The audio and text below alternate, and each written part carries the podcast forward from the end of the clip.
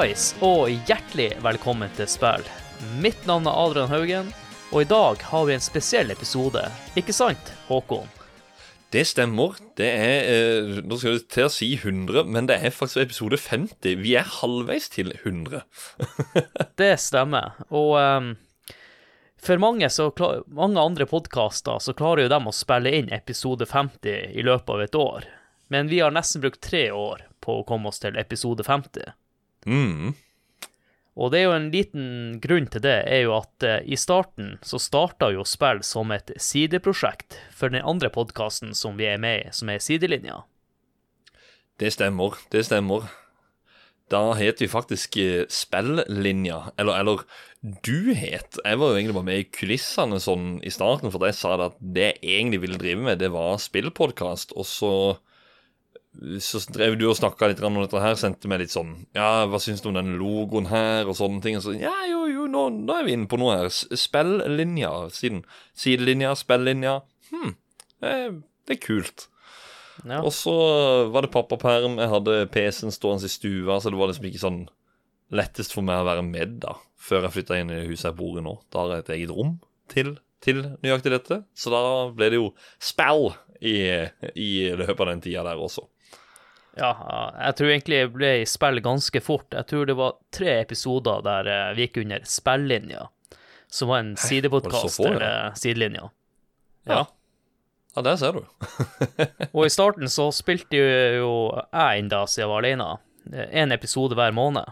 Mens når du kom for fullt i januar 2019, nei 2020 var det vel, Det husker ikke jeg, men jeg er veldig glad for at du husker det. Ja, det var 2020 når jeg tenker meg om. Så klarte vi jo vi å få til eh, episoder hver 14. dag. Mm. Og du har jo egentlig vært en som har pusha på å få ut en episode hver 14. dag. For hvis det hadde vært opp til meg, så tror jeg fortsatt hadde gitt ut en episode i, i måneden, men det er jo greit å i hvert fall få ut noe i løpet av en måned. I hvert fall to episoder. Ja, altså skulle vi gitt ut hver uke, så tror jeg sånn som bakhistorie, for eksempel, til spill som vi har, det hadde ikke vært med. Da, vi, vi hadde nok sikkert bare snakka løst om våre egne opplevelser til spillene. Eh, det, det hadde vært på en måte det, fordi det tar jo sykt lang tid, så det er jo, det er jo en grunn for at vi Vi, vi jobber jo med, med skjema for episoden, og, og passer på at det er fakta, det skal være fakta. Det er ikke så ikke bare ett lite Google-søk og si yes, yes, her har vi alt! Nå, nå er det i boks. Ja, ikke bare det, men det er jo litt sånn at uh, når man husker tilbake til et spill, så er det ikke alltid at minnene stemmer med det som er realiteten. Så Nei. derfor er jo, går jo vi inn og sjekker ut de her spillene, og tester dem ut. Om de er sånn som vi husker at de var. Og så handler det jo litt om at uh, reise tilbake i tida og vekke gamle minner. Men husker du, Håkon, i opprinnelige plan for spill? Episodene skulle være på maks 30 minutter, og vi har aldri vært i nærheten av det. Jeg tror ikke det finnes en spellbreak engang hvor vi er på 30 minutter. Nei. Jeg tror den korteste episoden der, det er vel spellbreak mer det som introduserer oss. Ja. Det som liksom var pilotepisoden. Jeg tror det er den korteste episoden som er i, i spillende historie, og den er vel kanskje rundt en time. Eh, Jeg tror rundt det. Eh, jeg skal i hvert fall også snakke om et spørsmål som eh, vi fikk. Det var en som lurte på hvorfor er ikke vi på de samme episodene hver gang? Og grunnen til det er jo at jeg og du, Håkon, vi har jo litt forskjellig spillsmak. Det stemmer. Det er jo eh, Jeg er jo retro Nei, nei, nei altså jeg, jeg, egentlig alt. Det, det, vi, det er ganske bredt på eh, spill vi digger. Uh, Ja, noen du digger spiller Witcher. Jeg digger Little Samson til nesen her. Ja, vi, Eh, det er jo noen spill vi liker i lag, men uh, det er andre spill. For eksempel den episoden du lagde nettopp med Flåklypa, det var jo et spill jeg ikke har noe forhold til i det hele tatt. Nei, og sånn som jeg, jeg hører jo alle episodene som vi har, men eh, eller, eller som er utgitt av spill, selv om at jeg er med i episoden. Jeg pleier alltid å høre de eh, bare for å ha hørt de, da. Og da er det vel Mass Effect-episoden som du har hatt. Det er den eneste episoden jeg ikke har hørt. Ikke? Da er det på tide. Ja, det er det, men, men det, det var et spill som ikke sendes inn til meg på noe vis. Så, så det er jo selvpointen, da. Altså, det, det er der det skal sendes inn. Det er via den episoden, men jeg har bare ikke sjekka den ut ennå. Ja, det er jo dårlig, Håkon. Vi ønsker jo at uh, folk skal også prøve å være nysgjerrig på spill de ikke har spilt. Og nå, Ja. når det kommer til Mass Effect, så er jo kommet nå den Legendary Edition. I know, men det, det, det er litt med Jeg vet ikke. At det kanskje er én episode. Jeg har bestemt å jeg, jeg, jeg skal ha én episode jeg ikke har hørt, og da er kanskje det den. The Last Episode. Ja. Men du går jo glipp av noe tre bra spill, i hvert fall. Ja, det har jeg forstått det som. Uh, men jeg skal si det, jeg sjekka ut og den spellbreak-tingen, bare for å hoppe tilbake igjen der. Den er på 38 minutter og 6 sekunder, så vi, vi var rett over 30 minutter. Og Så jeg tror det- aldri kommer til å være i nærheten av det heller. Nei, så hvis du går og hører på dette her og går med en hatt, så vennligst ta av hatten for oss og take a bow og ta den på deg igjen, og vandre videre. Men Håkon, eh, lytterne er jo her ikke bare for å høre om oss snakke om spill, men vi har jo et Nei. tema vi skal snakke om i denne episoden. Oh yes. Et det... uh, kjært eh, og herlig tema, rett og slett, som uh, Ja, egentlig har vært med å forme meg som den gameren jeg er i dag, rett og slett. Og alle som er vokst opp på 80- og 90-tallet, er jo kjent med det her temaet. Spesielt folk som hører på spill, for dere er jo spillinteressert på en eller annen måte. Mm. Og en liten fun fact. Jeg hadde tre drømmer da jeg var liten. Eller jeg ha- det første jeg skulle bli da jeg var liten, var fotballspiller. Og hvis det ikke skulle gå, så skulle jeg begynne å bli spillutvikler. Og min backup var å jobbe i spillbutikk. Fordi at jeg tenkte da at det var verdens beste jobb, utenom de to andre. Hvor du kunne spille alle spillene som fantes, og ta det med deg hjem, og bare kose deg. Hadde du noe, eller hadde du en drøm om å jobbe i spillbutikk, Håkon? Eh, nei, jeg, jeg, egentlig ikke, men samtidig jo. Uh, men jeg var, jeg, var, jeg, var, jeg var så ung at jeg tror ikke det var noe sånn Hva skal jeg jobbe med? Jeg tror ikke det var i tankene mine, egentlig. Sånn eh, helt tilbake fra starten av. Og min mor, som jeg har nevnt i episoden, eh, eller episoder før, jobba jo på Torn. De var jo ikke en konkret spillbutikk, men de var en sånn leasingtjeneste hvor du kunne leie ting, og altså alt av TV-er og hvitevarer og diverse, og der var jo selvfølgelig da spill også i hyllene. Så det var jo veldig mange lørdager hvor, hvor jeg var med henne på jobb og satt der med den feiteste TV-en, digg sofa, nydelig anlegg, midt i butikken og spilte eh, drøssevis av spill, da. Så det, det er mest det som går i hodet på meg rundt det temaet. Det, det de gangene jeg besøkte de butikkene, for at det var Det var så vidt jeg fikk lov til å gå inn. For at min mor visste det at går han inn der, så kommer han aldri ut igjen. Det er akkurat sånn jeg gjør med sønnen min nå. Det er når vi går på, på, på senteret, og så ser jeg Å, shit, der kommer en leketøysbutikk. Da sier jeg Neimen, se, Christian. Se på alle de strekene oppi taket. Kan, kan, du være med, kan, du være med og telle sammen med pappa? Én strek, to strek, tre strek. Når vi er på 40 streker, da har vi gått forbi butikken. Han har ikke sett han. Woo! Pass en annen. Ja, der har Så- alle et eh, smart tips. Ja, et, et lite Ja, et eh, smart tips, eh, rett og slett. Og um, Ja, det, det var ikke så ofte jeg fikk lov til å gå inn på blant annet GameZone, som hadde De hadde jo en sånn der Sånn Gameboy-stands, husker jeg. Sånn der svære noen. Den, de hadde vel to eller tre stykk av den store, hvor du hadde sånn Gameboyen, og så var den kobla til en skjerm som var over, på en måte. Så det sto holdt en Gameboy, men det så på en sånn type eh, titoms skjerm eller et eller annet. Konge. Sterke minner. Fikk aldri lov til å gå inn der. Men som vanlig, Håkon, så skal ikke være alene og snakke om dette temaet, så du kan jo få lov til å introdusere episodens gjester. Ja. Vi kan begynne med førstemann. Det er jo, Morsomt nok så er jo det fjerde medlemmet fra Lolbua-redaksjonen som gjester i spill. Og eh, jeg vil jo faktisk si den mannen her er jo Spill-Norges gudfar. Og eh, ved å si det, så eh, burde nok folk vite allerede hvem det er snakk om. Det er Jon Cato Lorentzen. Velkommen. Du sa ikke at det hadde vært tre fra Lolbua før meg, da hadde jeg takka nei. Er ikke først? Er det det du sier? Nei, vent da, nei, det var fire, så du er femte. Nei da. Ok, ja. Jo, eh, takk. Takk. Hyggelig å være med. Ja. Du har tidligere jobba på Akosmik. Jeg har uh, jobba på Akersmik i mange år, i, i forskjellige roller. Eh, Ja, det er vel stort sett min Eller jeg har, eh, jeg har en artig historie litt senere, men uh, da må Kjell være med på den først. Ja. Nå har du jeg sa- den andre gjesten. Du har avslørt navnet. Det er jo Kjell Gunnar Høen. Han er da eier av utestedet Tilt i Oslo. Et sted som er kjent for ja, hele Norge som er spilleinteresserte. Det er Arkadehall med bar og alt. Også vil jeg si Han er også en gudfar innenfor arkademaskiner. Så eh, velkommen til deg òg, Kjell. Tusen takk. Glory bet.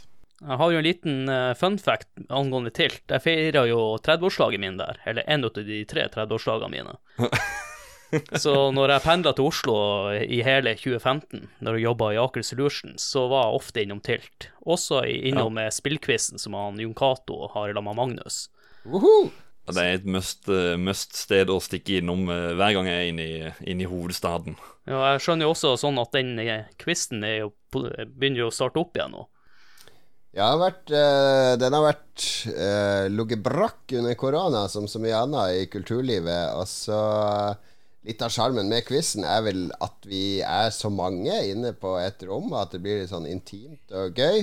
Uh, vi hadde en sånn reservequiz der det var veldig sånn spredd mellom bordene, og ingen fikk lov å gå i baren. Og det, det ble litt sånn tamt. Så, så vi venta rett og slett til eh, korona var over. Og så nå er, er det jo De sier at det er over. Vi får tro på det. Mm.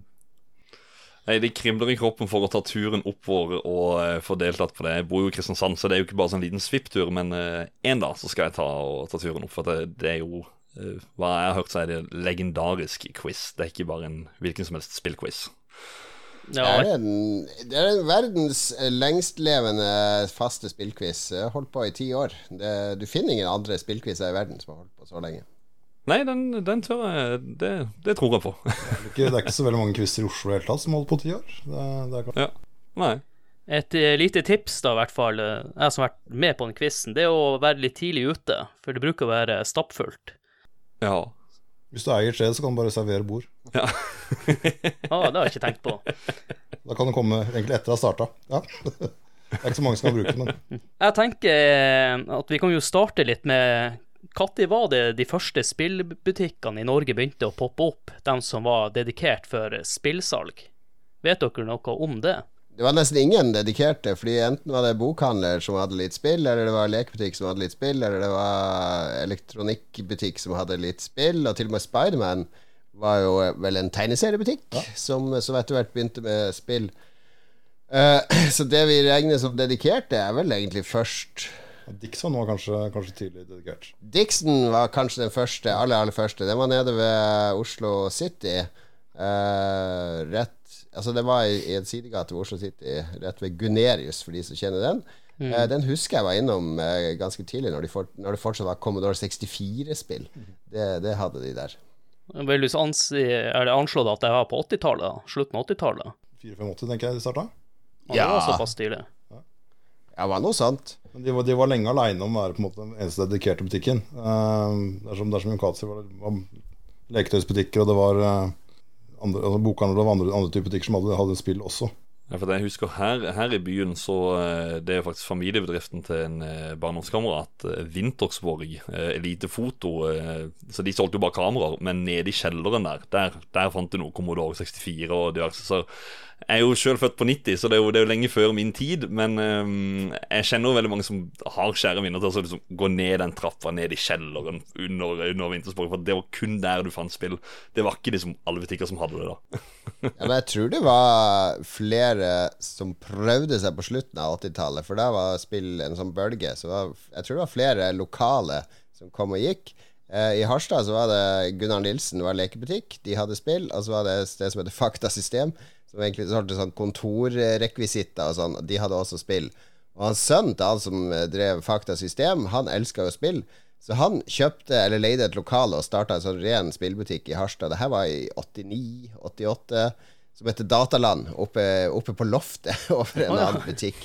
Eh, og de hadde, de hadde masse kule spill. Det var Amiga-spill og alt mulig. Og fun fact, der jobba Poppa Lars, han DJ-en i Tungtvann.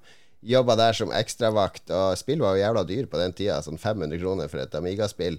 Så han solgte, jo, han solgte jo piratkopier av de spillene Ah, ja, under disken, da. Hvis de kom og klagde 'Å, herregud, det spillet var dyrt'. Ja, det, du kan få det for en hundrelapp hvis du ikke vil ha, ha med boksen og manualen. Ja, han var skikkelig gangster allerede da. Ja, ja, ja, disse rapperne, vet du. Disse rapperne. Jeg må bare ta frem mitt første minne med spillbutikk. Det var jo egentlig en leketøysbutikk. Og måten du så på spillene der, det var jo sånn der han eh, plastmappe som du kunne se gamle plakater i. Der hadde de bilder av de spillene. Og da var det jo det klassiske, du måtte se på de tre bildene på baksida, om det var et bra spill eller et dårlig spill. Og en eh, eller sånn eh, spillbutikk, det var første spillbutikken jeg var i Tromsø, det var Spiderman. Og da følte jeg meg litt som i politiskolen, de der han, to som havner inne på den han, eh, Blue Oyster Club. Jeg bare snubla inn der, og plutselig var det jo bare spill. Hva er det du sier nå? At du bare snubla inn der, så var du i himmelen? Er det sånn du føler ja, når du går på Blue Kanskje ikke akkurat som de i eh, politiskolen, da. Men uh, greia var det at den var litt utafor sentrum, og så Ja. så jeg bare en eller annen no, noe spill i vinduet, så jeg bare åpna opp døra der, og der viste det seg å være himmelen, rett og slett. Har du tenkt på den logoen til Spiderman med Mickey Mouse i Spiderman? Jeg tror jeg har fått lov til det i dag, Kjell? Marvel, Disney-advokatene i dag. Men den, den er faktisk patentbeskytta i Norge. Den logoen? Den logoen er patentbeskytta oh, ja. i Norge. Det, det skal imellom i 91. Da var det greit, tydeligvis. Ja, det er helt sykt. Du som, som godkjente, men eh, den ble godkjent. Det har jeg tenkt på hver gang jeg har sett den logoen. så så, her, Det er jo liksom spindelvevet som går ned, og Spiderman-logoen i sånn samme bue som logoen til Spiderman. Det, det er liksom sånn Og navnet. er så Ja, ja, ja navnet Spiderman. eh, Vebjørn Strand, han, han eh, en av de uh, jobber på Funcom. Som, eh, som eh, Vebjørn Strand, er ikke det? Nei, Vebjørn Sand, eller Vebjørn Strand.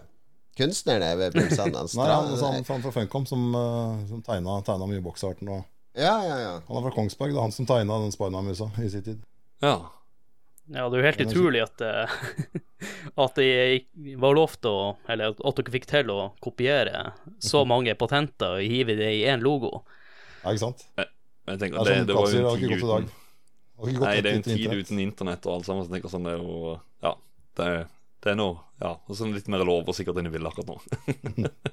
Men eh, husker dere om det var noe Om det var bra eh, utvalg i de butikkene som poppa opp på slutten av 80-tallet? Eller var det litt sånn som i de fleste leketøysbutikkene, var kanskje fem spill som var til salgs?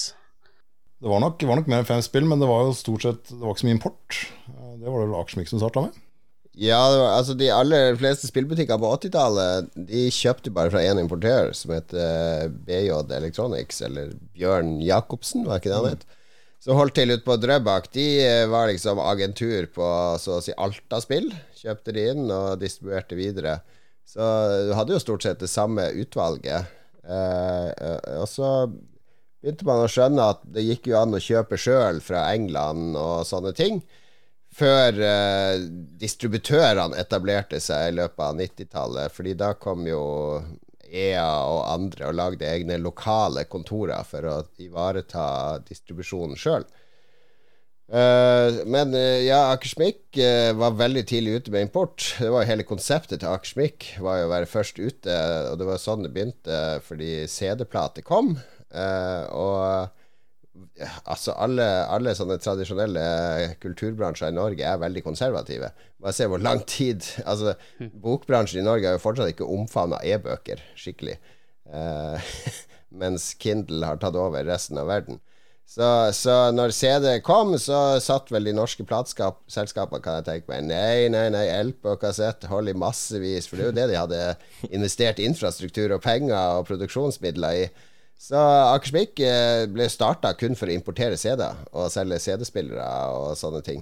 Eh, og det var liksom ånden hele tida. Så vi importerte eh, Importerte fra Japan, tidlig ute der, med å, skaffe avtale med folk i Japan som solgte laserdisk og film og CD-er som kun fantes der, og da også spill, selvfølgelig. Og hadde en leverandør i, to leverandører i USA for å importere ting derifra. Eh, og så en i England. Eh, jeg brukte å handle Når jeg ble innkjøpssjef for spill, så, så handla jeg noe fra de. Når det kom nye konsoller og litt sånn spesialimport av ting som ikke fantes i, i Europa eller Norge. Jeg prata med deg en gang etter Det var et uh, Level Up-show som var her i byen. Da drev vi og snakka litt mer av det. Og da nevnte du noe med Og det er jo angående import. Da snakka du om uh, Det var en konverter til Super Nintendo. Og så var det en Det var Street Fighter 2 Turbo. At dere hadde det før tida. Og det var hele om jeg husker rett, så sa du at det kosta 1500 eller noe. Det var helt sinnssyke priser den gangen i tida. tenkte jeg. Ja, det var Det kosta flesk. Eh, det, altså Street Fighter 2 var jo De som ikke var der da Street Fighter 2 kom Det var før jeg begynte i Akersvikta, så jeg har jo fått alle disse historiene i ettertid. Men ja. de, de, som ikke var der da Street Fighter 2 kom, de vil ikke skjønne for en feber det var rundt det spillet. Altså Hvis du leser uh, Electronic Gaming Monthly, eller ethvert amerikansk spillblad fra rundt 91-92, det er Street Fighter 2 i hvert eneste issue. Altså, det, det var et sånt kulturfenomen. Det var det største spillet eh, av alle. Alle var helt besatt av Street Fighter 2. Og når det skulle komme konsollversjoner, ikke sant det, det, alle, det klødde i fingrene etter å spille det. Så Street Fighter 2 Det var jo superlange vindu mellom eh, PAL og NTC da. I tillegg så var jo alt av PAL var jo ganske crap. Det var store borders opp og nede, og spillene kjørte mm. saktere. Uh, og Street Fighter 2 Ingen visste når det skulle komme til Norge, men det skulle komme til USA. Så jeg, jeg tror de fikk tak i 50 eksemplarer eller noe sånt med sånne adapters. Det betyr mm. at du mm. måtte ha i Super Mario World eller et annet PAL-spill bak spillet oppi en sånn uh, dobbeltkassettholder som du putter oppi Super Nintendoen. Mm. Eh, og det funka jo, det. Eh, men uh, Unsaco, som da hadde distribusjon på Nintendo i Norge, de var ikke så glad i, i, i det her. Så de hadde ja, Putter du den i Super Nintendo, så kan den bli ødelagt! Da mister du garantert ikke ta sjansen på det. Saksøkte Raksmik også et par anledninger? Ja, det var, var et søksmål der. Faktisk. Det søksmål, eh, ja, de vant uh, det søksmålet òg. Men Det var ikke C-godkjent eller sertifisert, de adopterne. Ja, det er sant, det. Men jeg kan jo skrive under på at den eh, Street Fighter 2-hypen var jo årsaken til jeg fikk min første konsoll Super Nintendoen. Ja. Jeg takker det spillet for at jeg ikke fikk en NES og fikk en SNES i stedet for. jeg har jo en plakat på veggen her som det står eh, norsk, da. Så står det 'Endelig'. Eh, nå er Street Fighter 2 eh, til Super Nintendo eh, på vei, og det er akkurat som å ha Arkadespill eh, hjem i stua. Og Kjell, du som er Arkadeeksperten, da. Er du, er du enig? Uh, nei, jeg er ikke enig. Det er ikke, nei, det er ikke, ikke samme som har arkadespillet i stua. Men, uh, men det, det, er, det, er en, hva skal jeg si, det var en god erstatning. Det var jo det. Absolutt. Og det, når det er sagt, så var de fleste, fleste Street Fighter-arkadene i, i, Norge, egentlig i Nord-Europa, det, det, var ikke noe originale Capcom bortsett bortsett det. Det, var, det var jo bootlegs fra Tyskland. De spilte dårligere enn originalene. Og kanskje, kanskje mm. til og med mange hadde spilt dårligere enn Super-versjonen. Ja. Så ja en good time. det, det, det, solgte bra, i hvert fall. Ja. Kjempebra. Det kosta vel, ja, vel retail av norske versjonen vel 898 da den kom også, tror jeg. Den var 200 kroner dyrere enn alle andre Superland-spill. Det er jo det som jeg hører når, når, folk snakker om dette med å kjøpe spill før i tida, så er det alltid Street Fighter 2 eller Street Fighter 2 Turbo som dukker opp. Og da er det sånn Prisen var enten 800 eller 900. Det var ja, 898 sånn. var retail fra Saco. Ja, og Det er sånne prakteksemplarer på at folk klager opp for at spillet er dyre nå. De er jo halvparten det var, det var, og vel så det. Det var tidlig 90-tallskroner, ikke, ikke 2021-kroner. Nei. Nei, det er det også. Jeg husker enda jeg kjøpte ISS Deluxe for 989 eh, eller noe sånt. Så det var dyrt på den tida. Men vi har jo snakka ja. litt om uh, når de, de her spillbutikkene begynte å poppe opp. Men når uh, begynte dere i spillbransjen? Eller spillbutikkbransjen, da? For min del så var det altså Broren min starta Spiderman i 1991. Så har det liksom vært litt i kulissene siden. Eh, men, men som Newcastle var ikke, var ikke Spiderman en rein spillbutikk før kanskje 6-7-90. Vi var uh, hovedsakelig en spillbutikk fra 1998, kanskje. Ja, altså, jeg har liksom vært med, vært med fra Spiderman starta til vi, til vi på en måte solgte i 2006. Jeg var ikke klar over at Spiderman eh, starta så seint med å kun bli en Eh, dedikert spillebutikk. Altså, altså det, det, var jo Spill hadde kanskje 75 omsetning i 1993 allerede, men, men det var det var sånn Fokuset var litt spredt. da Det var ikke, det var ikke, en, var ikke en ren spillebutikk. Var det stor pågang i starten da for dere når det gjaldt spill? Ja, det var det. Altså, vi, vi var det første i Norge som hadde, hadde bruktespill. Så vi, eh, vi fikk jo på en måte Vi drev med innbytte og, og salg av brukte spill. Så vi For det var vel også den formelen som ble introdusert, det, som jeg husker da, at det, det er vel Spiderman som begynte med bruktspill og levere inn og Ja, at det liksom var ja, Egentlig så importerte vi bare hele, hele systemet fra TV-spillsbørsen i Gøteborg. Med samme, samme fargekoder og samme, samme priser. Og vi, vi, vi, ja, broren min var faktisk i Gøteborg og fylte en bil med spill eh, før vi starta eh, Spiderman på Buskerud Storsenter. ah. Så, så det, var, det var på en måte med, med tillatelse fra de som drev TV-spillsbørsen, men de, de starta kanskje 1990, et år før oss. tror jeg. Så det konseptet var egentlig bøffa derfra. da. Alt er bøffa. Det poppa først opp i Buskerud, Spiderman. Buskerud Storsenter, Ja. og så var eh, Kirka 32 eh, andre butikken. Ja. Og så blei det vel eh, Vi var vel elleve butikker til slutt. Det var elleve stykker. Ja, for vi, vi hadde jo ikke det i Kristiansand. Vi hadde det i Tromsø, ut av alle ting. Ja, nei, for vi, vi, hadde, vi hadde jo Game Zone. Det var liksom, så Jeg vet ikke om det var det som var stopperen for at Det, ting det var sannsynligvis derfor det ikke var noe Spiderman. For Game GameZone var Ja. kjempe, kjempestort, veldig sterkt der. Mm. Men jeg, jeg ser jo det som, som spillsamler nå. Altså, det er jo eh, Det er alltid et, et PlayStation-cover eller eh, et eller annet som har den Spiderman-logoen ned på hjørnet. så det er åpenbart en veldig populær butikk. Høsten 1999 så hadde vi vi var da, 16 eller 17% markedsandeler. Altså 16 eller 17% av alle, alle eh, Nintendo-spillene som ble solgt i Norge, kom fra en Spiderman-butikk. Ja. Og da, da, da begynte det å bli ganske stort. Da, var det jo, da solgte Elkjøp masse spill, og det var mange som solgte mye spill. da Så vi, vi, vi solgte masse spill. En for din del, da, Jon Cato. Når begynte du? Jeg begynte uh, av ren nød. Og så begynte jeg i 90, 96, var det vel. Jeg begynte i Akersmik. Eh, Det var fordi jeg gikk og surra på Blindern uten å gjøre noe fornuftig. Og så, og så fikk jeg ikke studielån lenger, for jeg hadde drevet og surra mellom matte og informatikk og fysikk og eh, egentlig gjort alt annet enn å studere. Bare levd Jeg trodde det skulle være sånn som på collegefilm, at man bare skulle chille og, og, og sitte og spille TV-spill og sånn hele dagen. Så fant jeg ut at faen, jeg må jo jobbe hvis jeg skal studere videre, for jeg må jo ha penger. Og da søkte jeg to jobber. Den ene var på Avalon, som i dag er kjent som eh, Eller de Nei, de gikk jo under. Men det, det, det, det som da var Outland på den tida, fordi jeg likte rollespill og nerdeting og sci-fi. Og så søkte jeg på Akersmik, fordi det var innom hver uke eh, uansett. Jeg tror, jeg tror ikke jeg kjøpte, søkte på Spiderman. Gjorde vel ikke det. Det var de to stedene som hadde utlyst stillinger, i hvert fall.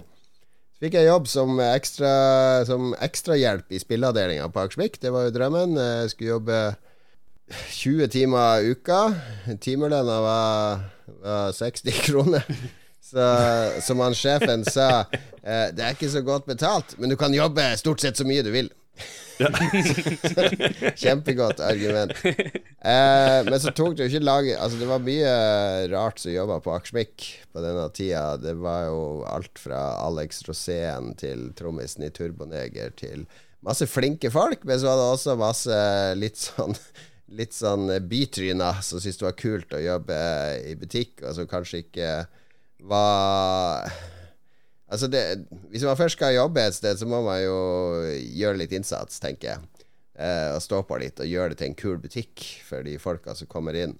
Så det var ikke så mye innsats som skulle til før jeg begynte å få litt eh, ansvar. Og etter et par år så kjøpte jeg jo inn spill til hele kjeden og planla kampanjer. Og kom jeg til etere, fikk sponsa reise til etere av eh, leverandørene mot at vi forhånds, eh, tok inn forhåndsbestillinger mot spill jeg så på etere på nettsida og sånne ting. Jeg lagde masse sånne dealer og var med å lage kampanjer og alt mulig. Så det var der det begynte. Jeg jobba meg opp og frem i Akersmik. Og det som var litt kult med å jobbe i spillbutikk på den tida, det vet Kjell òg, det at det var jo ikke um, Nettet kom jo, og, og nettsider og sånne ting. Men det var ingen sånn community-følelse på nettet, da. Som nå, så er jo alle communities er jo på nettet. Man er i en discord eh, eh, med, med likesinna. Man er i et nettforum med likesinna. Man er på Reddit med likesinna. Man finner communityene sine overalt. Mens vi som jobba i Akersmik og Spiderman, vi hadde en hel haug med sånn faste kunder. Og litt sånn der som kom inn litt mindre hyppig, men de kom likevel innom. Som var redaktører i, i, i spillblader. De jobba i Filmtilsynet med dataspill. Det var en hel haug med gamere, var kreative folk. var folk som jobba i Funcom, folk som jobba i Innerloop. Alle var liksom innom disse butikkene. Og når du jobba der fast, så ble du etter hvert på hils med mange av de. Så du, du bygde nettverk liksom uten at man visste om det, på en måte. Er du ikke enig, Kjell? Jo. Du, jeg må bare spørre, Siden, siden du, du, du jobber med spill, eller ansvaret for spillet da, på, på Akosmic Nå sitter jeg med i hånda her et uh, god gammeldags Klubb Nintendo, hvor det står at Michael Jackson spiller Super Nintendo. Og at han har kjøpt et eksemplar av hvert spill som var på Akosmic og ja, på leketøysavdelingen inne på Sten og Strøm. Jobba Ja. du der da? Det var før min tid, men jeg, Ja, jeg har ok. bild, vi hadde masse bilder av det på Akersmik, fordi vi måtte stenge hele butikken fordi Michael Jackson skulle inn og shoppe, og han shoppa jo som en gal. Skulle ha med seg 30 laserdisk og alt mulig av spill og, og drit og lort. Han løp rundt i butikken med en haug med unger på slep og kjøpte alt de pekte på. Altså ute i bilen. Det lå, lå jo litt i kortene allerede da, for de som Ja. Ja, Orka vet, jeg Jeg antar det en kollega av deg, Nikolai Nikkelsen, eller tidligere kollega, da. Eh, det var stort at han monterte senere opp spillet i Michael Michaels suite på Grand Hotel og spilte eh, sammen med han utover kvelden. Så Ja. gjør som Michael, spill Super Nintendo. Ja, Nikolai han var bare tolv år da han jobba på Akersmix, og derfor han fikk komme inn i suiten til, til Michael. Og montere opp. Nei da, Nikolai var Jeg kjenner han så vidt. Jeg, tror han var på vei ut når jeg kom inn, men eh, han, Ja. han har gjort det bra etterpå. Ja, og Michael Jackson endte jo opp eh, på Sega etter hvert. Ja, det gjorde han med, med Moonwalker og det går, jo, det går jo rykter i hvert fall at han har lagd musikken til Sonic Ja, det- 2 eller Sonic 3. Sonic 3, det er bekrefta. Ja. Ja, det var blir ikke lenge, men det er bekrefta. Men han, han var, på, han var, var vel uh, Moonwalker kom i 1989-1988. Så kom konsoll seinere, men han, han, var han var jo Sega-affiliate ganske lenge, lenge før uh, konserten i Norge. Ja, og Søstera eh, Janet Jackson hun har jo sampla annet en Sonic-låt og diverse, så det, det, er mye, det er mye Sonic. Så det her var jo før også han eh, Michael Jackson begynte å spille på Sega, og bli en del av Sega. Men eh, vi har jo snakka litt om både Spiderman og Aker Schmick. Var det stor konkurranse i Oslo på 90-tallet mellom de to butikkene? Ja, det var konkurranse, men det var, det var på en måte altså, Det var ikke så mange ser folk kunne kjøpe spill, så det, det, det var på en måte nok til, eh, til alle. Så vi, vi var konkurrenter, men vi var også gode venner. Ok, så dere gjorde ikke som bensinstasjonene og satte ned prisen, og så måtte den andre følge etter og drev på på det viset? Hadde Ja, det var tilbud og Altså, jeg jobba med Jeg var litt avslappa i forhold til det, men jeg jobba med en som heter Ronny når jeg begynte der. Han, han var liksom sjefen min, og han var han hadde gått i fotsporene til en som heter Jostein igjen, som hadde slutta i Akersmik. Og Jostein husker du Jostein ble innkjøpssjef for spill på Elkjøp for hele Norden. Uh, og det er den mektigste spillinnkjøpsjobben du kunne ha, fordi Elkjøp hadde Greit Spider- Spiderman var oppe i 15% eller noe sånt. Elkjøp var oppe i 40-45% markedsandeler på starten av 2000-tallet når det gjaldt fysisk spill. De var gigasvære. Så han Jostein han hadde mye makt. Og mye makt gjorde Jostein til en veldig eh, brutal innkjøper, kan du si. Eh, folk skulle ofte skjelve i buksene eller være gråte etter å ha vært i møter med Jostein. Det var hans eh, salgs- og innkjøpstaktikk. Så Ronny var litt inspirert av han. Han var veldig sånn der Vi må knuse konkurrentene og alt sånt. Og så jeg bare herregud, det er nok til alle. Spiderman er jo sånn Bruktsjappe, vi har sånn nye spill og hifi og sånn. Det er to forskjellige profiler, vi tiltrekker oss ulike kunder.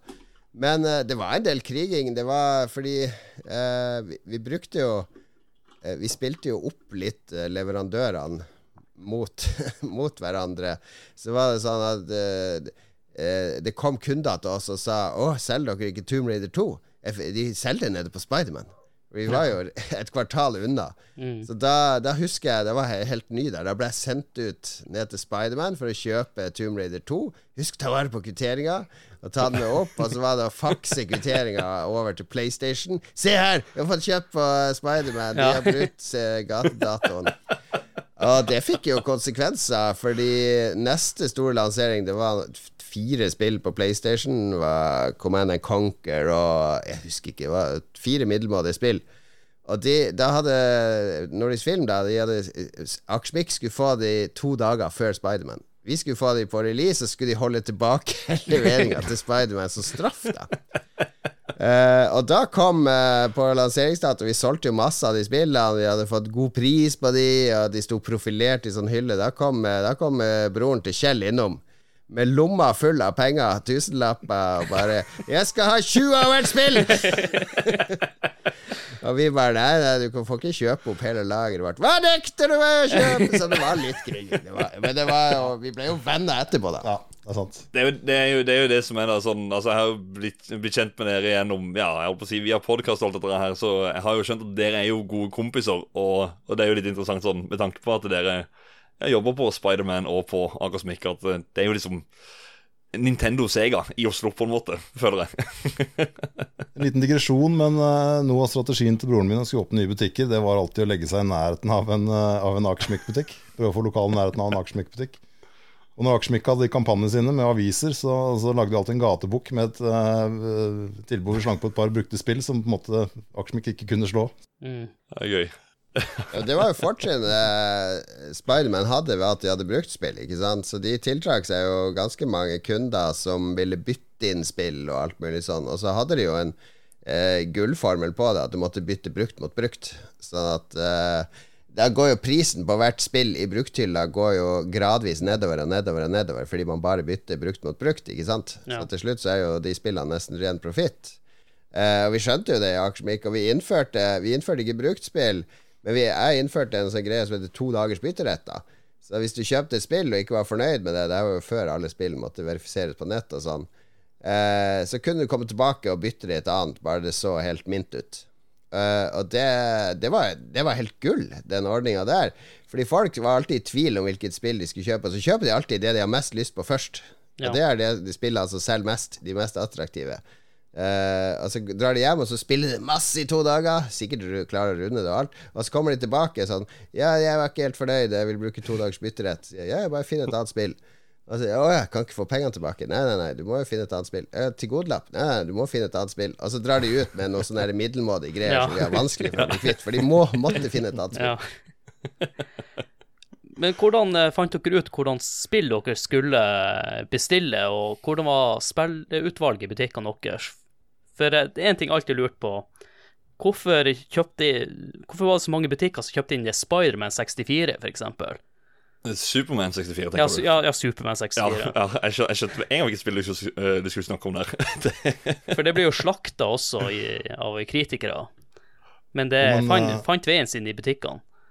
Vi tok inn stort sett alt som kom, eller alt som var tilgjengelig, men, men, men de spillene man tok i mye av, det, det, var jo Man visste jo, vi visste jo som regel på forhånd at det her kom til å bli en slager. Og så GTA 3 kom ikke ut fra ingenting. og ikke...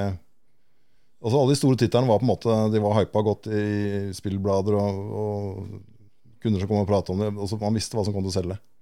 Og da mm. Det visste leverandøren også.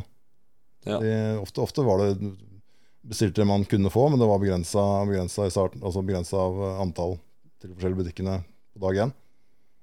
Så men vi, vi førte alt som kom. på en måte Det, det, var, ikke, det var, ingen som ikke tok inn. Ja, Det gjorde vi òg, men det var litt uh, Du var litt sånn forsiktig med antallet på ukjente spill. Du kunne gjerne bare kjøpe én, to eller tre av ting som ikke var så kjent, men du måtte jo ha det, ha det i sortimentet. Men akkurat GTA 3, der tror jeg du husker feil, Kjell. Fordi det var jo GTA 1 og 2 var jo sånn kjente, og så kom GTA 3, og det var i 3D.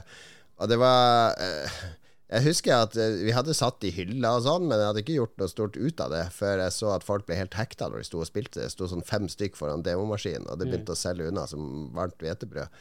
Det, det, når Vice City kom, da visste de at det var en hit, men eh, mm. leverandøren var litt mer usikker på GTA3 om det ville slå an. Og et annet spill som var litt morsomt, det var Golden Eye på Nintendo 64. For der ante ikke Nintendo eller Unsako hva de egentlig hadde om det kom til å bli en hit. For jeg husker han, han Finn Eirik, eh, som var sjef for Unsaco.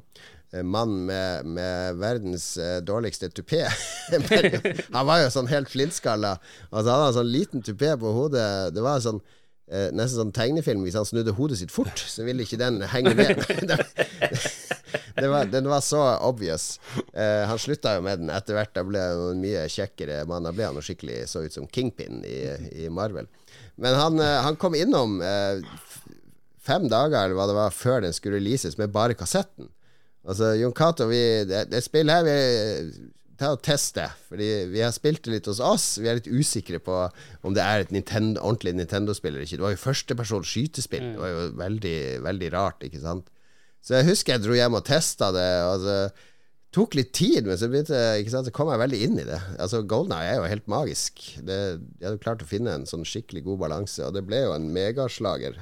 Så det var noen sånne opplevelser innimellom. Men sånn generelt så kjøpte du inn alt som kom, i litt små mengder. Og så hvis du Noen ganger så hadde de noe drit eh, som de var veldig opptatt av å selge mye av, for de ble jo ofte styrt av, de, av sjefene i utlandet med dette har vi satsa masse på, så vi skal selge over en million innen første kvartal. Og så var det ingen som ville kjøpe det, fordi de hadde hørt at det var litt sånn dårlig. Og da kunne det komme med sånn tilbud om Ja, men hvis du kjøper inn 100 stykk Altså, vi skal hjelpe deg å profilere det, så får du full returrett på det, ikke sant. Returrett var jo var en sånn forsikring, ikke sant. Da bandt du opp litt varelager, men så fikk du lov å returnere det neste kvartal. Uh, og så videre. Så det var litt sånn hviling og dealing. Uh, jeg måtte stå i en del sånne ting. Det som vi brant oss kanskje aller mest på, var vel Euro 96, eller det EM, Fotball-EM-spill til eh, EA som de De produserte så sinnssykt mye av det spillet. Det så jeg på salg, på sånn pallesalg i ti år etterpå, for sånn 10 og 20 kroner for, for spillet. De ble, de ble aldri kvitt hele det varelageret. Du var jo litt inne på i stad, at, at du hadde noen gode med at du kunne reise ut. Eh, Jeg hadde jo en eh, drøm da jeg var liten. Jeg har jo nevnt det tidligere i episoden. da. Det var først at jeg skulle bli fotballspiller. Hvis det ikke gikk, så skulle jeg bli spillutvikler. Og hvis ikke det gikk, så skulle jeg bli jobbe i spillbutikk. Og jeg så jo for meg at du kunne få alle spillene eh, med deg hjem, spille dem, og alt mulig. Eh, hadde dere de her godene med at dere kunne spille hva dere ville?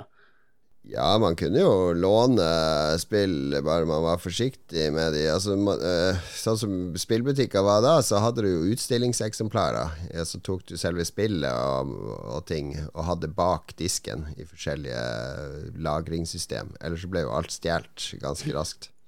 Så, så, så lenge spillene var åpne, så var det jo bare å ta dem med hjem og spille hvis man hadde lyst. Men uh, uh, det blir sånn når du har tilgang til alt, så blir det ikke så uh, eksklusivt lenger. Så man, man drev jo ofte og kjøpte og spilte det man virkelig ville ha. Men det var jo et sånn gode å, å ha tilgang til alt. Du ble fort vant til det. Ja, Det er derfor det var så mange gode spill i de demokioskene. Det er jo for at dere skal ha muligheten til å ta med denne kassetten hjem. Ja, nei, det hadde, hadde okay. ikke noen sammenheng, egentlig. Det var, det bare, var bare et gode. Uh, så måtte man ja, bare ha litt kontroll. Hvis andre, sånn som vi, vi hadde jo CD og filmavdeling og alt sånn. Hvis alle skulle komme og låne hele tida, så ble det litt kaos. Men hva er det beste med å jobbe i en spillbutikk? På den tida så var det vel egentlig, selv om jeg kanskje ikke syns det da, men det var jo egentlig de kundene og hele den stemninga og Hvis du har sett den der eh, litt sånn fake dokumentarserien til han Kevin Smith, den der Comic Book eh, Guys, er det ikke det den heter, Kjell? Jeg har ikke, jeg har ikke sett den. Men, uh... Det er en sånn der det, det skal være en sånn doku, dokumentar om den tegneseriesjappa til han Kevin Smith i uh, New Jersey, er det vel? Eh, og de folka som jobber der, de er Det er litt sånn der, det, det samme stemninga som vi hadde, vi som jobba sammen i, i spillbutikk. Det er eh, det er, det er ikke- lov å si. Det er, litt sånn, det er litt sånn guttastemning, altså den nerdestemninga. Og så kommer det inn Så har du masse kunder, ikke sant, som du gir navn. Du har Jazzbein, eh, du har du, du har Hansken, du har, du har klengenavn på alle disse Ja. kundene som er der inne hele tida. Hansken, ja. ja, ja, husker han. Vi hadde, vi hadde også hansken. Det var samme fyren. hadde hår, hårsveisen til prins Valiant, og så gikk han alltid i sånne svarte skinnhansker. Eh, og svetta. Eh, grønnshortsen hadde vi. Og altså, alle hadde sine, sine navn og karakteristikker. Og så etter hvert som du ble kjent med kundene, så begynte du også Kjell var jo kanskje ekspert på det, for Kjell eh, han var ekspert på å, å, å poke kundene litt i, i riktig retning. For de, de kundene du ble litt sånn trygg på, de, de, de, du, kunne, du kunne herse og herje litt med dem. Ja, vi var noen halvguder for mange av de, tror jeg. Um, hadde, hadde dere han frukt og tobakk hos dere? Han, han som brukte å handle porno en gang i måneden? Nei, han, han handla spill, men han, han skulle alltid prute. Altså, for han skulle ha litt frukt og tobakk på veien hjem. han skulle alltid ha spill av 50 kroner billigere, for da hadde det tobakk og frukt. Han, han tror jeg var ren Spiderman. Ja, jeg, jeg tror vi hadde, vi hadde hakket særere enn dere også, i tillegg til de dere hadde.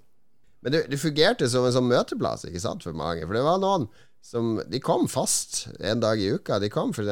på tirsdager klokka halv tre. Eh, Kanskje etter skole eller et eller annet. Og så ble de til stengetid. Ja. Jeg var brukte.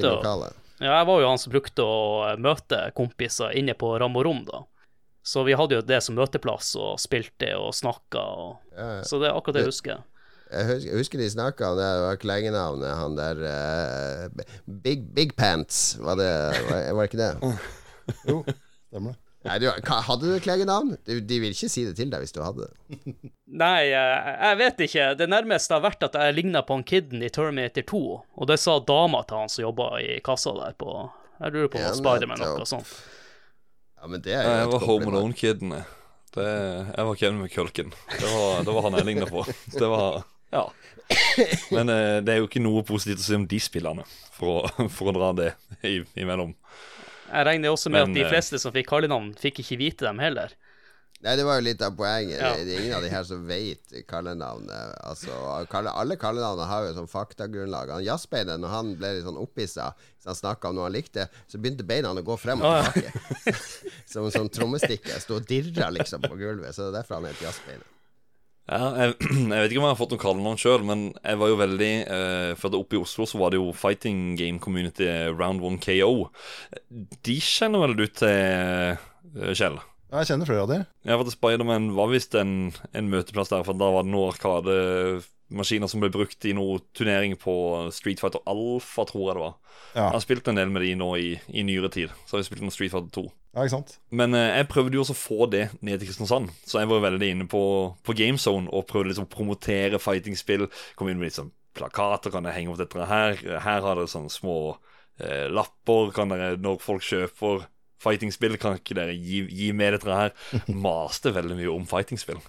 Hjalp ikke så mye, tror jeg, for et fightingspill-community i byen. Så, men eh, om det kanskje ble et kallenavn på meg, det, det Jeg tipper du har fått et navn du òg, hvis du hadde vært i Oslo.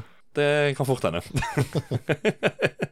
Men det var, det, altså, altså, stort sett så var det jo Det var jo på en måte Det var ikke, det var ikke noe slemt bak. Det var bare Det, var bare, Det blir liksom karakter over det. Så blir Ja, det ikke sant. Det var ikke noe mobbing, det var ikke noe ondskapsfullt. Det var ikke noe de, de fikk høre.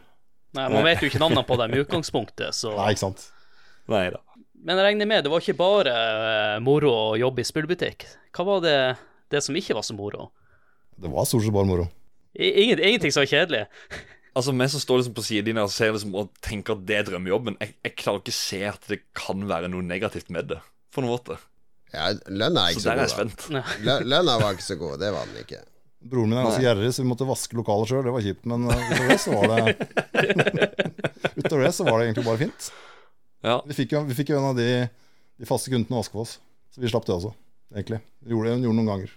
Men det var, det var også Altså, man blir jo Alle minner blir jo gylne. Når, når tida går, så glemmer man mye av stresset. Men jeg husker det var, var jo en del stress med at man skulle eh, tjene penger, at det var konkurrenter, ikke sant. Vi hata jo Elkjøp og alt som de gjorde. Der sto vi jo for så vidt samla mot Elkjøp, vi, vi småbutikkene mot de store gigantene som tok mer og mer av markedet. Eh, det var jo styr med å finne på ting for å holde butikken relevant. Man merka jo når internett kom, og nettbutikker. Eh, vi hadde jo en ganske bra nettbutikk i Akersmik. Spiderman hadde jo også en OK nettbutikk, men det var liksom Markedet utvikler seg hele tida. Jeg i hvert fall hadde alltid en sånn uro med at uh, ting er ikke, varer ikke evig. Uh, ting endrer seg hele tida. Det, det skjønte jo tidlig 2000 at, at eh, hvilken vei det kom til å gå. Men, men uh, samtidig som på en måte at Elkjøp ble større og, og fikk større markedsandeler, så, så ble på en måte det, tvang jo oss til å gjøre butikken mer interessant. Importen det ble mer import, og det ble mer, eh, mer nisjeting, mer smale ting. Det ble ting som Elkjøp ikke ville ha, de spesialiserte vi oss på. Så, så, så var, det var ikke bare negativt at Elkjøp, eh, Elkjøp altså Iallfall ikke for sluttforbruker, at Elkjøp eh, ble så store som det ble. Nei, men mm. det som er litt kjedelig, man mister jo litt det miljøet som eh, dere nevnte tidligere. Det finnes jo ikke sånn spillmiljø, i hvert fall i Tromsø. Det, det er ingen møteplasser lenger. Nei. Eller noe som helst sånn. Nei, det forsvinner jo. Altså, en, en annen ting som preger Akersmik, var jo at vi, vi var ikke en ren spillbutikk, og jeg var jo ikke den som satt på toppen og bestemte. Så vi hadde jo Altså, vi, vi brant jo penger på CD-avdeling og ting som, som etter hvert eh, Altså, det var mange deler av Akersmik som ikke tjente så mye penger. Eh, Spilleavdelinga gikk, tror jeg, alltid i pluss, og postordreavdelinga, som jeg også ble tett involvert med i 99, 2000, 2001, den, gikk, den var superbra. Det var en av de beste postordrebutikkene i Norge en periode. Vi hadde sinnssykt mye forhåndssalg av eh, spill der. Vi var tidlig ute med preorders og, og alt sånn. Så den gikk bra, men alt det ble spist opp i et sånt dragsug eh, av, av eh, de gamle, utdaterte tingene som ikke tjente penger. Var det noe med å jobbe i spillbutikk som endra deres syn på spillmediet? Medie vet jeg jeg har alltid elska spillmedie, å lese om spill og lære om spill og formidle spill. Så det å få uendelig tilgang til det, pluss eksklusiv tilgang til nye importspill og sånn, det gjorde jo masse med det. Men, men for meg så er jo det som var hele grunnen til at jeg kunne gjøre alt jeg har gjort videre, var jo Akersmik og alle de folkene jeg møtte der. Mm. Og der jeg møtte Thomas Sjeletskij og Snorre Bryne og alle de gamle spilljournalistene og ble med og lage nytt spillmagasin med de, og, og fikk redaktørjobber. og og fikk muligheten til å, å være med på ting. Eh, du ble liksom dratt inn i ting i form av at du var en kunnskapsrik fyr i, i en butikk. Og jeg tror jo Kjell også Ja, det, det har jo vært viktig for deg òg. Ja, absolutt. Altså, eh, Tilt var på en måte en slags åndelig oppfølger til Spiderman når vi åpna, eh, åpna Tilt. Det var en videreføring av ja, samme måten å drive butikk på som, som Spiderman var.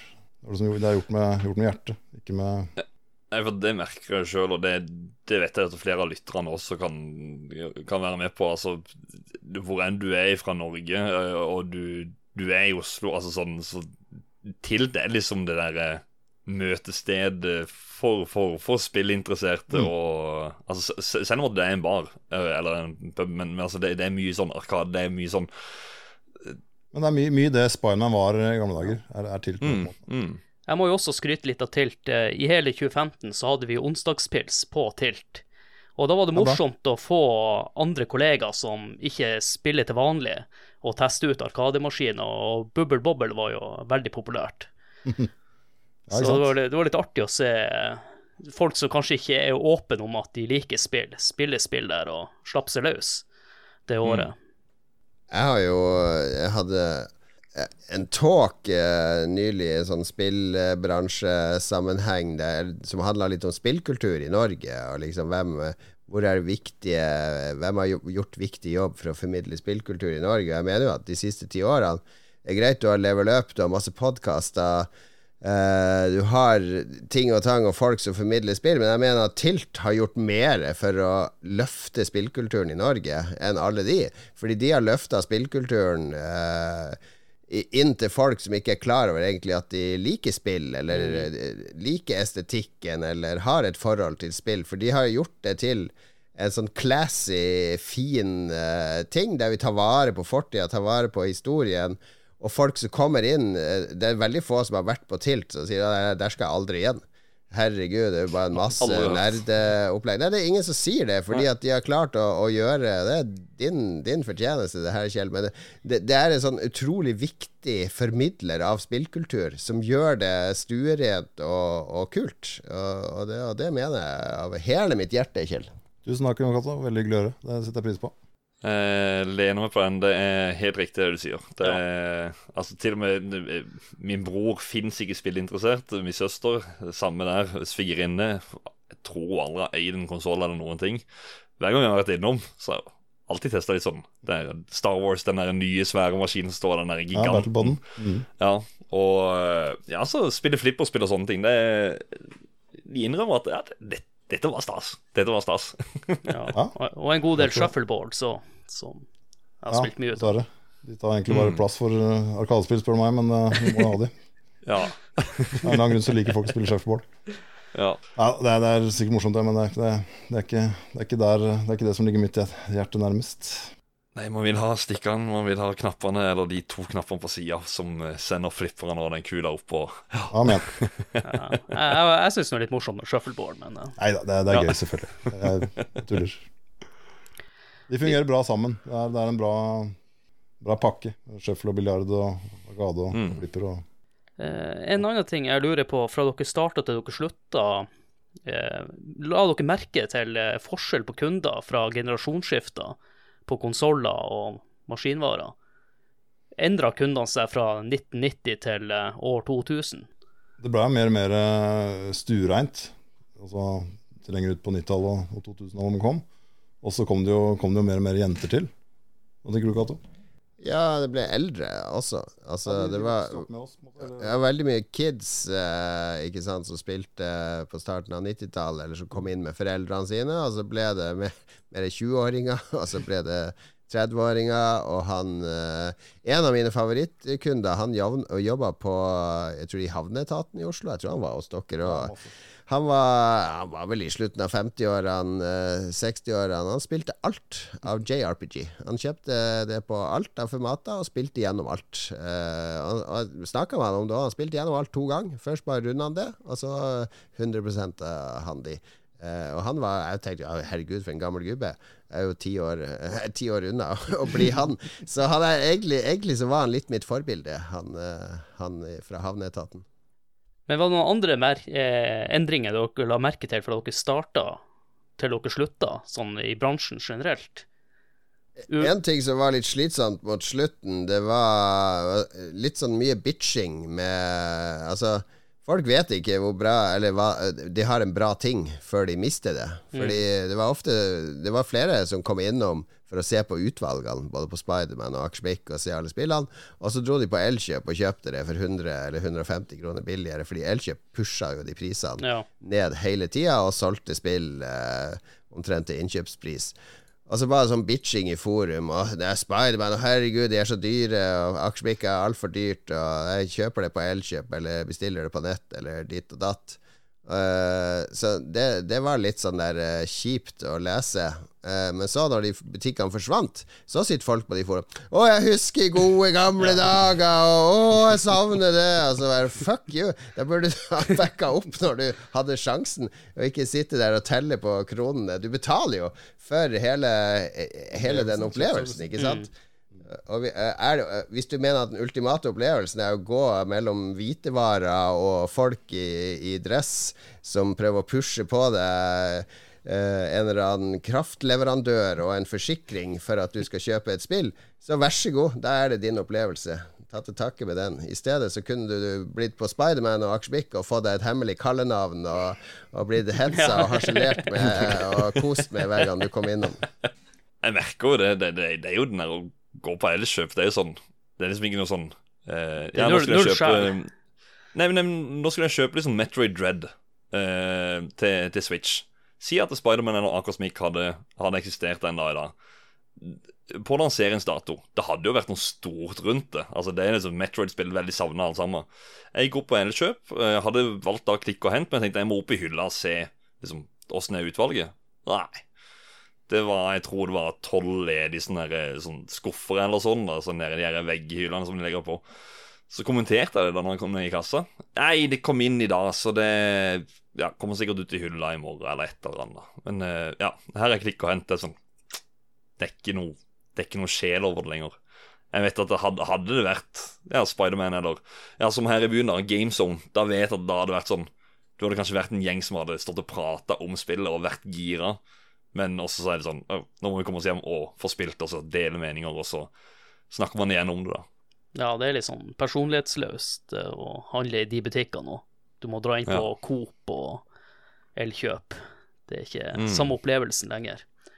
Men er det noen eh, historier dere har lyst til å dele med, med han Håkon og lytterne, som dere ikke har nevnt? Er det noen lanseringspartys eller eh, Er det noe juicy, juicy stuff?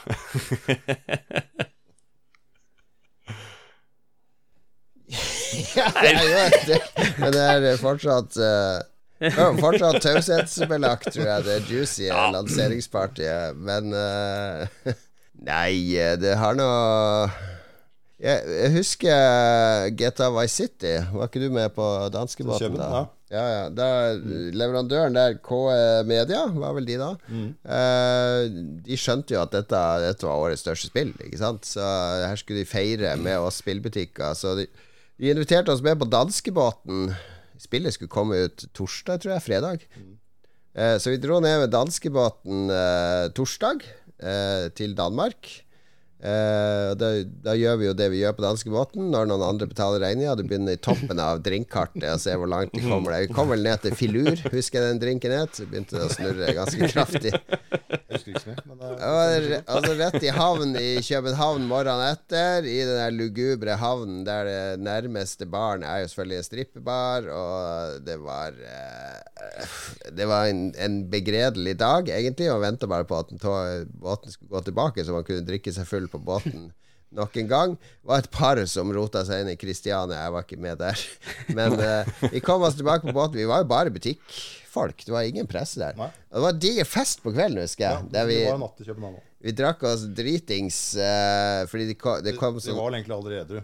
Nei, vi var aldri Det kom sånne Playboy-bunnies uh, rundt med sånne drinkefat. Og vi bare tok Der andre dansker og svensker De tok sånn én og én drink, så vi bare Bare sett hele fatet her. Ja. vi hadde sånn 30 drinker på det lille bordet, og husker hun ene servitøren I drikker som noen svin! altså, vi bare Ja, vi er fra Norge, baby! vi var ganske ufyselige. Men det var sånn gangsterfest. Vi hadde fått kruttlappistoler, og alle skulle være så tøffe. Jeg vant soundtracket, husker jeg, i en konkurranse der. Vi var tilbake på den danskebåten som skulle dra om natta. Så vi skulle egentlig sove på den båten, men det ble jo bare fest. Og fredagen så var det Ja, alle fredag var det rett fra båten, kom i havn, rett på jobb for å selge Vice City. Ingen hadde sovet om natta, alle var jo dritbakfulle. Det var bare tuslete hver sin butikk. Ja, takk for hyggelig lag, og så stå i butikken i, i åtte timer og selge Vice City. Så det var mye sånn smøring på den tida. Det er jo ikke smøring når det er butikker, Fordi i butikker skal du jo playe. Det er jo de du, ja, ja. De, de du, skal selge til. Det er smøring hvis det er uh, presse eller sånne ting. Ikke sant? Det var en del markedsbudsjetter som måtte brukes i Norge, og det, det nøt jo både jeg og Jon Cato godt av. Det var en del turer og en del fotballkamper, og det var, det var uh, messer, og det var, det var, en del giveaways. Vi fikk, fikk uh, Vi hadde ganske, ganske noen fine år der. PlayStation sponsa jo Champions League, så de fløy jo folk ned på Champions League-kamper rett som det var. og sånn Ofte sa man bare nei, for de hadde lyst til å være hjemme en helg.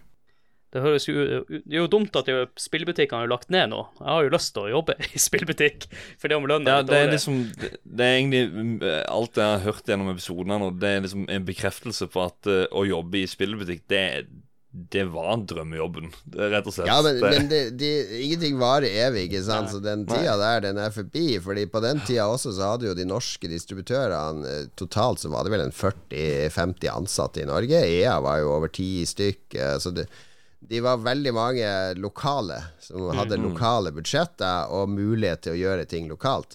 Fordi det var så mange butikker på den tida, så du måtte jo ha så mange selgere. For du måtte reise fra bokbutikk til bokbutikk og skrive opp i skjemaet ditt at uh, Jensens bokhandler på Askøy skal ha tre Fifa og én uh, Red Alert. Mm. Ikke sant? Det var manuelt salg. Så det krevde store apparat og lokale budsjetter, og det nøt vi veldig godt av. Uh, vi som solgte relativt OK, fordi vi fikk jo mange goder av det. Men den tida er over nå. Det er ikke hvor mange er det som jobber med spilldistribusjon i Norge nå? Ja, det er ikke mange. Det er noen i Bergsala, kanskje? En i Bergsala, og så er det et par i Nordisk Film, eh, som har PlayStation. Eh, et par som jobber med Er det ingen som jobber med Xbox direkte i Norge lenger? Det, alt tas fra Sverige. Og ja, Activision er ikke her, Ubisoft er ikke her, EA tror jeg én person i Norge. Så alt det styres fra Sverige nå. Budsjettene er i Sverige. Så det er, det er ingen, ingenting som drysser på, på norske forhandlere lenger. Det begynte å skje allerede i 2003-2004. Så begynte man å se ja. konjunkturen og åssen det kom til å bli. Og Da meldte jo jeg overgang til spillpressen, fordi spillpressen var de som ja. ble oppfarta da. For det var der du skulle få ut og frem. Så det, det, det var heisadager der og helt fram til finanskrisa. Da forsvant alt. Ja. Eh, nå er det bare influensere som får alt. Og der, uh, der har jeg hørt sånn off the record, vi kan si det her i den podkasten her, men de er så kjedelige i forhold til de gamle spilljournalister. For det er nesten ingen som drikker, de skal bare ha litt kaffe, og så skal de rundt og ta bilder hele tida. Uh, mens vi, vi gamle spillpressefolk, vi var mer laidback. Dere i Lolbua bruk, brukte i hvert fall å snakke litt om han Trump, så jeg lurer litt på når var spillbutikkene i Norge great? Når vil dere si at de var great? Will they ever be great again? Jeg vil si eh, fra midten av 90-tallet til 2001, kanskje? 2002? 2002-2003. Ja. Det var, det var den beste tida. Da hadde de ekspertise, de hadde utvalg, eh, de hadde importspill. Eh, det var rett og slett der det skjedde. Det var der det var origo for alt som hadde med, med spill og spillkultur å gjøre i Norge. Ja, eh, vil vi, tror vi noen gang at det blir, vil komme spillbutikker igjen?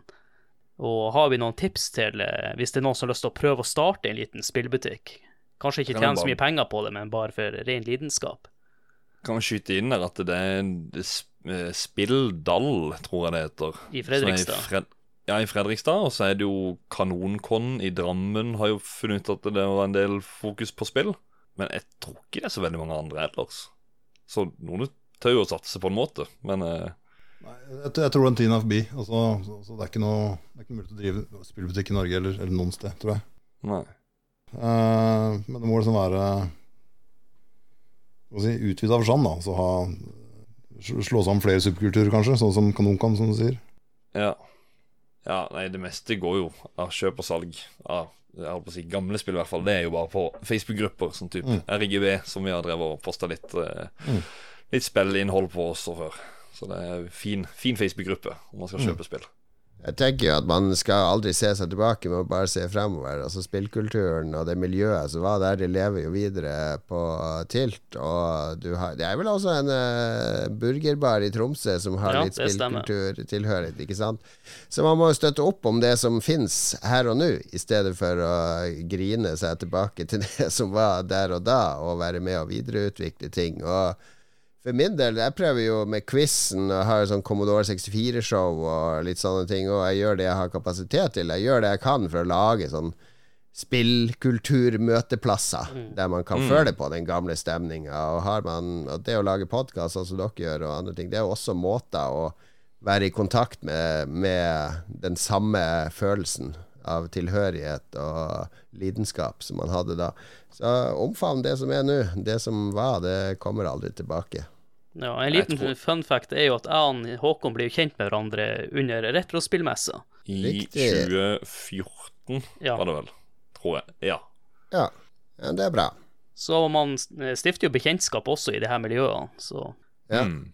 Det var som å gå inn på Blue Oyster Bar første gang. Ja. gikk på retrospillmessa. Den musikken kom eksempel.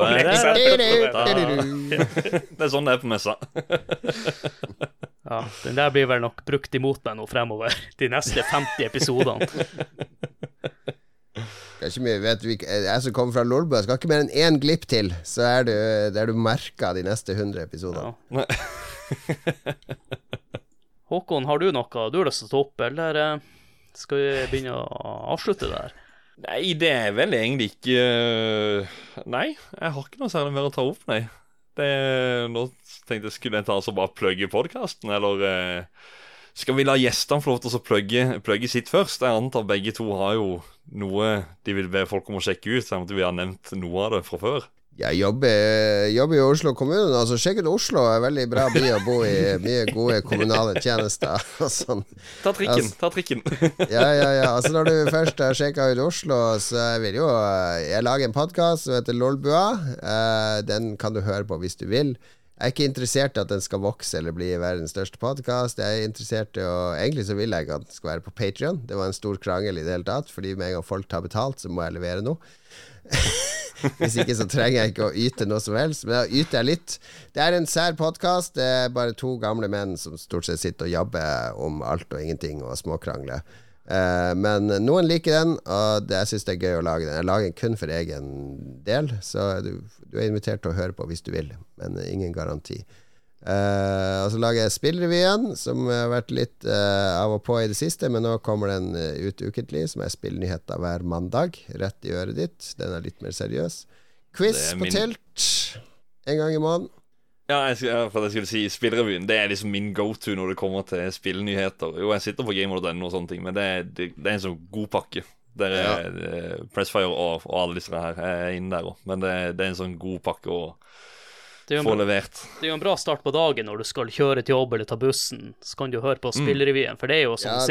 rundt 20 minutter per episode. Ja, det er kort og konsist, og ikke en masse babling, som er sånn som den podkasten her. Det, det er mye babbel. Den er kort og konsis, og folk, mange liker den, så vi prøver å, holde liv i den etter beste evne. Det siste jeg kan plugge, er eh, Der blir Kjell litt fornærma, men jeg har sånn Commodore 64-spill på et sted Det er show på et sted som heter Ball i Oslo. Eh, Det er egentlig veldig hyggelig, fordi det kommer 30-40 menn. Alle er menn. Alle er på min alder.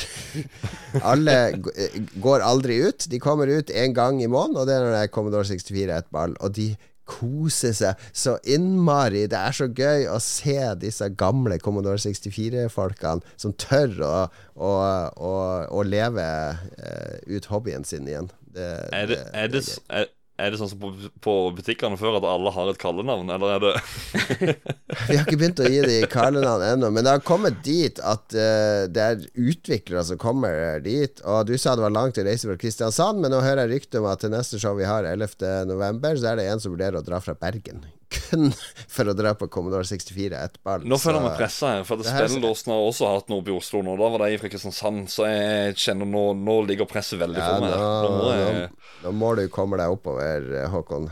jeg skal ta og gjøre det. Jeg skal si ifra. Kjell, da? Nei, jeg har ikke så mye. Eh, Altså, jeg kjøpte en uh, fireplayer Mario Kart GP2 i slutten av forrige uke. Den kommer fra Japan. I løpet av uh, en måned eller to, tenker jeg, på tilt. Det blir kjempegøy. Det må du komme og prøve. Det blir uh, Den veier 1500 kilo. Å, dæven. Jeg kjempestor. jeg har alltid lyst til å teste den, så neste gang han kommer til Oslo, så skal jeg Jeg sjekke syns det at det er det beste Mario Kart-spillet man ikke har spilt. Ja. For det er, ikke- det, er Ja, mange, det er det, er ikke så mange muligheter i Europa eller utenfor Japan i det hele tatt. Så det, det blir gøy. Det gleder jeg meg til. Mm. Nei, jeg anbefaler Tilt. Det er kanon. Konge. Sjekk det ut. Du må innom der hvis du er i, i hovedstaden. Men skal jeg da plugge vår podkast nå, Adrian? Ja, kjør på. Ja, takk for det. Ja, Det er jo måten å støtte spill. Det er jo egentlig bare å tipse venner og bekjente om podkasten. Og så må dere gjerne joine communityet på Discord og på Facebook. Det finner dere link til i episodebeskrivelsen. Uh, ja, og så sjekk ut Facebook-sida. Det ligger også link til i beskrivelsen. Så må dere også sjekke ut spillhistorie.no, hvor Joakim Froholt han skriver en eh, artikkel om hver episode vi lager. Så eh, elsker den eh, nettsida. Masse bra ja, spillhistorie-nyheter. Og jeg tror det er det. Fordi at jeg er så dårlig Jeg burde ha sånn checklist, men jeg får aldri lagd det før. Nei, vi er jo utrolig Nei. dårlige på outroen vår. yes. Det er hver gang. Da vil jeg si tusen takk til deg, Jon Cato, for at du hadde lyst til å være med på denne episoden. Det var bare hyggelig. Tusen takk for at jeg fikk være nummer fire i Lolbua som fikk være med. Ja ja, men eh, du er jo Det er jo enda flere i Lolbua. Og så vil jeg si tusen takk til deg, Kjell Gunnar, for at du hadde lyst til å være med på episoden. Selv takk. Kjempehyggelig, Ole som sagt. Og så må jeg takke for meg. Og så må jeg også si takk igjen, bare sånn at dere to vet det. Eh, Jeg sa det faktisk innledningsvis i Flåklypa-episoden, at eh, vi planlegger gjerne episoder halvt år i forkant. Denne episoden, altså dette temaet, og at det skulle være episode 50, for det er litt sånn jubileum i hermetegn, siden vi kommer ut annenhver uke. Så tenker vi halvveis til 100. Ja, vi, vi tar det som et sånn eh, delvis jubileum, da. Så når vi var på episode 50, da skulle temaet være spillbutikker på 90-tallet. Og da, allerede da, for ca. et år siden, så sa jeg det at eh, Jon Cato og, og Kjell, det, det er gode gjester. Vi må, vi må se om vi får til, får til dette. Så veldig glad for det. Men eh, da sier jeg takk for meg, og vinker til kamera. Eh, No, det noe vi burde nevnt i stad, det var det at uh, når Cato slutta på uh, Akersmik, så flytta han ned i kjelleren på Spyman. Han bodde der. det var kjempekoselig. Da kom han opp i morgenkåpa med kaffekoppen i handa på morgenen og vi åpna butikken. Og jeg skal bare si at jeg har vært i Amsterdam på en retrospillbutikk der. Han fyren han spurte hvor jeg var fra. Norge. Oh, I know of uh, I, I in Oslo. I I think the store was named Spider Man. The basement there. Oh my God! It's the wildest things I've ever seen. Well, ok. Ja, ja. Han, han var med jeg tror jeg vet hvem du snakker om. Han var, var og kikka på, øh, på lageret vårt og på en del av samlinga mi som var der. Ja. det, det, det, det Han er hadde en stor er. Sega-tatovering på armen. Og det husker jeg ikke. Det er lenge siden jeg var der. Men det er artig historie på tampen. Ja. Det er nesten så du er du sant. Jeg, jeg bodde i den kjelleren i eh, Jeg bodde litt av og på der, i den kjelleren. For jeg pendla. Jeg bodde egentlig i Bergen da, så jeg bodde en uke i Oslo. Og for å spare husleia så var det veldig greit å bo i kjelleren til Spiderman. Ja, deilig. Det var dusj, det var to kokeplater, det var et kjøleskap, det var en seng. Hva mer trenger du for å leve? Nei, ikke sant? Ikke sant? Ja. Nei, men da, hopp, da, da hiver vi oss. Da sier vi takk for oss. ja. Yes. Da er det bare for meg å si takk for meg. Takk for at dere hørte på, og ha det. Ha det! Morna! Ha det.